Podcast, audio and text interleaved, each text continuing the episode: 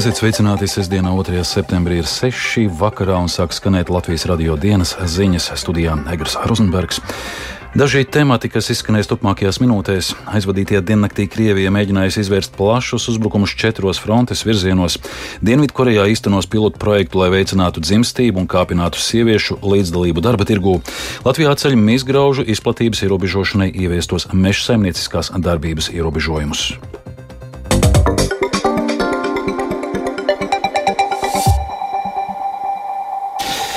No šodienas ir atcelti meža saimnieciskās darbības ierobežojumi, kas bija noteikti saistībā ar egļu astoņu zobu izgrauža masveida savairošanos. Izgraužu uzlidojumi eglēm vēl ir iespējami, ja būs silta vasara vai koks iepriekš nogāzts vētrā, bet kopumā kaitēkļu aktīvā sezona ir noslēgusies. Vienlaikus meža dienestā norāda, ka meža īpašniekiem jāturpina egļu mežauģu aizsardzības pasākumi visā Latvijā. Plašāk Sinties Ambotes ierakstā. Iepriekš noteiktiem izgraužu ierobežošanas pasākumi ir atcelti no 2. septembra, bet vēl divus mēnešus līdz 31. oktobrim ir noteikta aizsardzības pasākumi mežaudzēs, kurās valdošā koku suga ir eigle. Konstatējot bojājumus, meža īpašniekiem jāvēršas valsts meža dienestā, kas pātrinātā kārtībā piecu dienu laikā izsniegs apliecinājumu koku ciršanai, skaidro dienesta meža un vidas aizsardzības daļas vadītājs Andis Pūrs tie visi iepriekšēji ierobežojumi, kas attiecās uz uh, vērtīgām egļu audzēm, arī šīm te visām zonām, tie ierobežojumi visi ar 2. septembri atceļās, respektīvi kokus mēs cērtam atbilstoši koku ciršanas noteikumiem, bet savukārt, kas nāk uh, plusā klāt, šos divus mēnešus vēl mēs varam cirst arī šos um, izgraužu bojātos kokus tieši tajās uh, mežaudzēs, kurās valdošā koku suga ir regle, atbilstošiem atvieglotiem nosacījumiem, respektīvi pietiekamais konstatējums šos desmit kokus uz hektāru, kuri ir uh, bojāti. Un mēs jau šajā gadījumā runājam par šajā 23. gadā augu veģetācijas sezonā izgraužu bojātajiem kokiem.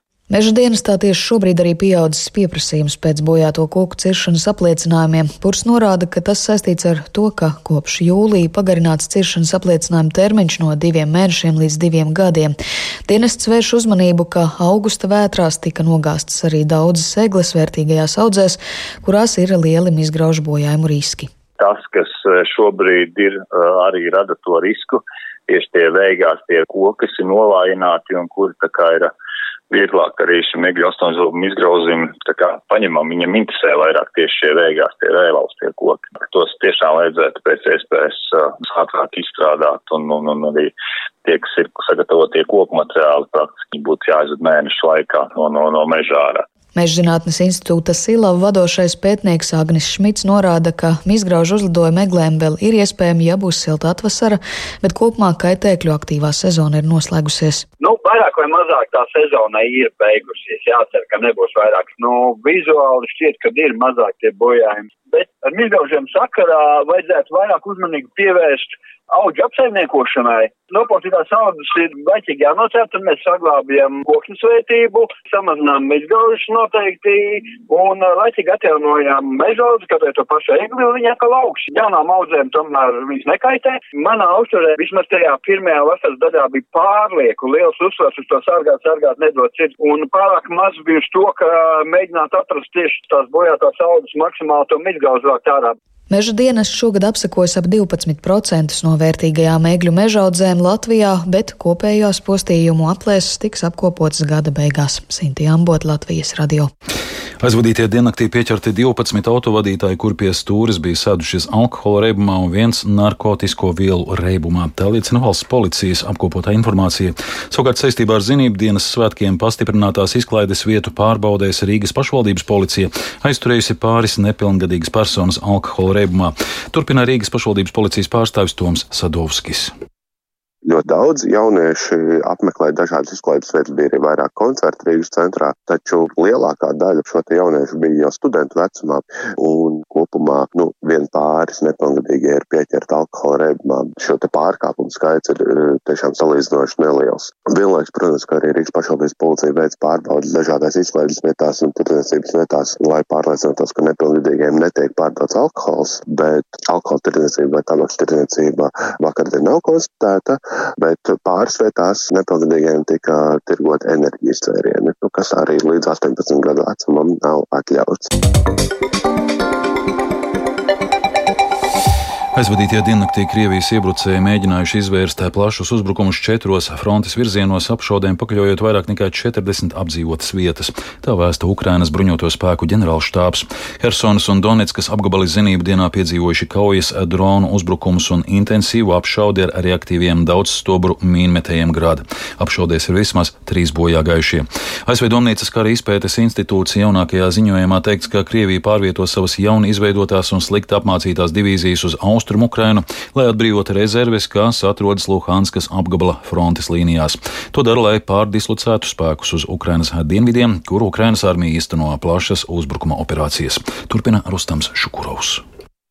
Domnīcas eksperti jau iepriekš vēstījuši, ka operatīvo rezervju trūkums liks Krievijas pavēlniecībai veikt turpmākus pārdislocējumus un pieņemt sarežģītus lēmumus par to, kuriem frontes sektoriem piešķirt prioritāti. Kā norāda domnīcas eksperti, Krievijas pavēlniecība iespējams kaujas gatavības formējumu pārvietošanu uz Luhanskas apgabalu uzskata par pieļaujumu risku, ņemot vērā salīdzinoši zemo kara darbības tempu lielākajā daļā Luhanskas apgabala frontes līnijās. Dienvidkorejas valdība apstiprinājusi Seulas pilsētas virzīto pilotu projektu, kas paredz nodarbināt simts ārvalstu maikalpotājus un auklītes laulāto pāru viena vecāku un daudz bērnu ģimeņu mājasemniecībās. Pilotu projekts sāksies decembrī un tā mērķis veicināt dzimstības pieaugumu valstī un kāpināt sieviešu līdzdalību Dienvidkorejas darba tirgū. Vairāk stāsta Rustams Šukurovs. Dienvidkorejas valdības paziņojumā teikts, ka ārvalstu maikalpotāju un auklīšu vecums nedrīkstēs būt zemāks par 24 gadiem. Tāpat tiks veikta padziļināta viņu iepriekšējās darbības pārbaude. Dienvidkorejas varas iestādes arī izvērtēs viestrādnieču iepriekšējo darba pieredzi, iegūtās zināšanas un valodu prasmes. Ārzemju viestrādnieces tiks nodarbinātas ar uzticamu darba aģentūru starpniecību, kas arī nodarbosies ar pilotu projekta uzraudzību un pārskatīšanu. Tāpat kā pieaugušā dzīves dārdzība un plašas karjeras veidošanas iespējas, arī ar bērnu aprūpi saistītie izaicinājumi un mājasaimniecības darbu sloks jau sen tiek minēti kā faktori, kas ietekmē laulības skaita sarukumu un dzimstības samazinājumu risinājumu Dienvidkorejā. Saskaņā ar Dienvidkorejas valdības šonedēļ publicēto ziņojumu, vairāk nekā puse neprecēto valsts iedzīvotāju vecumā no 19 līdz 34 gadiem nevēlētos bērnus arī pēc laulībām. Savukārt tikai 36,4% pētījumā aptaujāto respondentu kopumā kā pozitīvu vērtēja savu attieksmi pret laulībām. Abas respondentu grupas kā noteicošos faktorus savās atbildēs minēja grūtības, kas saistītas ar ekonomisko situāciju valstī. Kā vēsta ziņu aģentūra Reuters, šīs tendences tikai sāsina Dienvidkorejas demografisko krīzi, jo valstī samazinās darbspējīgo iedzīvotāju skaits. Tas savukārt sagādā galvas sāpes valsts ekonomikai.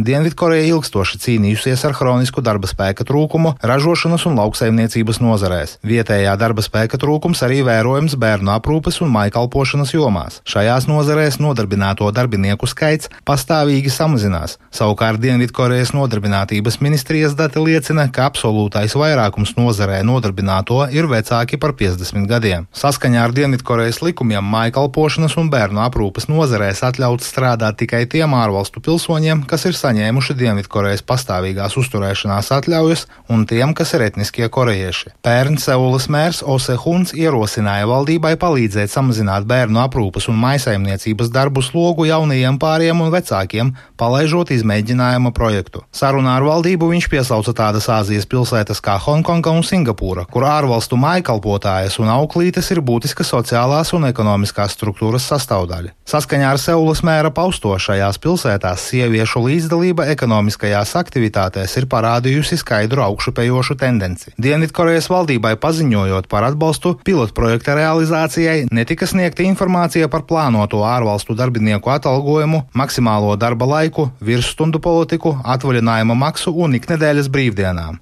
Tiesību zinātņu doktors, Korejas Kyunghī Universitātes juridiskās fakultātes profesors Songs Serjuns tikmēr atzīmējis cita rakstura problēmas, ar kurām varētu saskarties realizējot pilotprojektu. Korea Korejā, diemžēl, ir bijuši gadījumi ar cietsirdīgu izturēšanos pret viesstrādniekiem. Ir arī potenciālo cilvēktiesību pārkāpumu jautājumi saistībā ar viesstrādniekiem.